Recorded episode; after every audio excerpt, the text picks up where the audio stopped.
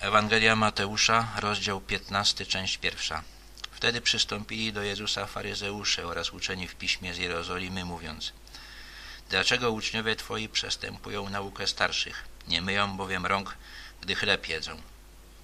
Jezus dla przywódców religijnych Izraela stawał się coraz większym problemem.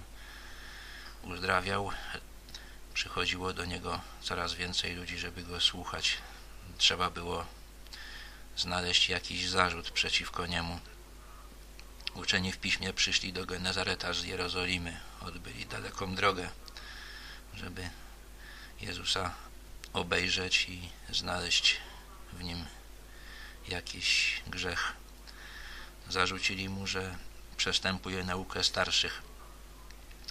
Mojżesz dał Izraelitom różne przepisy odnośnie czystości rytualnej, nakazu mycia rąk przed jedzeniem wśród nich nie było, ale później tradycja żydowska dodała taki wymóg. Nie chodziło tutaj o higienę, tylko o to, żeby czuć się lepiej wobec Boga.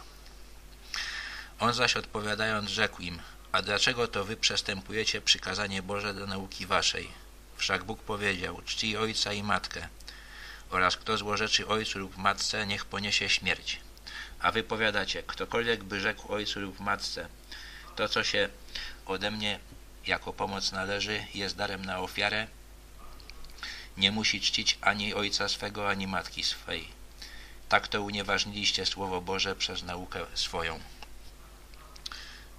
Przywódcy religijni wprowadzili też taki przepis, że jeśli coś było przeznaczone na ofiarę, to nikt nie mógł e, już z tego korzystać. Przykazanie czci ojca i matkę obejmuje też wspomaganie materialne rodziców w starości.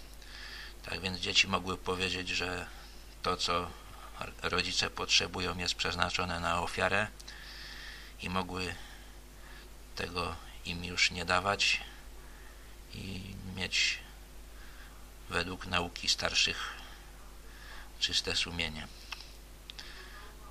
Wygląda na to, że często z tego korzystano. Obłudnicy. Dobrze prorokował o was Izajasz w słowach. Lud ten czci mnie wargami, ale serce ich daleko jest ode mnie. Daremnie mi jednak cześć oddają, głosząc nauki, które są nakazami ludzkimi. Już prorok Izajasz zapowiedział, że w Izraelu nauki ludzkie będą uważane za mm, sposób czczenia Boga i będą miały więcej zwolenników niż to, co mówi sam Bóg. Tak potępiana została ludzka tradycja w Izraelu. No i raczej nie można się spodziewać, że tradycje, jakie powstaną w innych narodach, będą miały od Boga lepszą I przywoławszy do siebie lud, rzekł im, słuchajcie i zrozumiejcie, nie to, co wchodzi do ust kala człowieka, lecz to, co z ust wychodzi, to kala człowieka. Wtedy przystąpili uczniowie i rzekli do niego, wiesz, że faryzeusze usłyszawszy to słowo zgorszyli się? A on odpowiadając rzekł, wszelka roślina, której nie zasadził Ojciec Niebieski, wykorzeniona zostanie. Zostawcie ich. Ślepi są przewodnikami ślepych, a jeśli ślepy ślepego prowadzi, obaj w dół wpadną. Tymi słowami Jezus zaszokował Żydów chyba w podobny sposób jak swoim stanowiskiem wobec sabatu. Dla faryzeuszów była to straszna obraza. Jezus stwierdził, że są ślepi podobnie jak ludzie, którzy ich słuchają i, i czeka ich straszny koniec.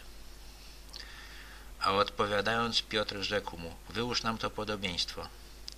A on rzekł, to i wy jeszcze nie rozumiecie? Czy nie rozumiecie, że wszystko, co wchodzi do ust, idzie do żołądka i na zewnątrz się wydala?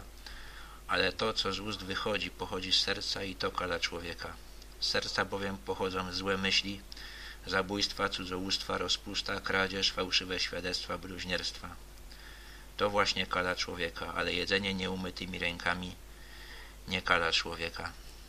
Nawet apostołowie nie rozumieli słów Jezusa. Trudno było ludziom to, to przyjąć, że właśnie takimi praktykami mycia ciała nie można stać się czystym wobec Boga. Nie można w ten sposób oszukać Boga. Można najwyżej zwieść własne sumienie.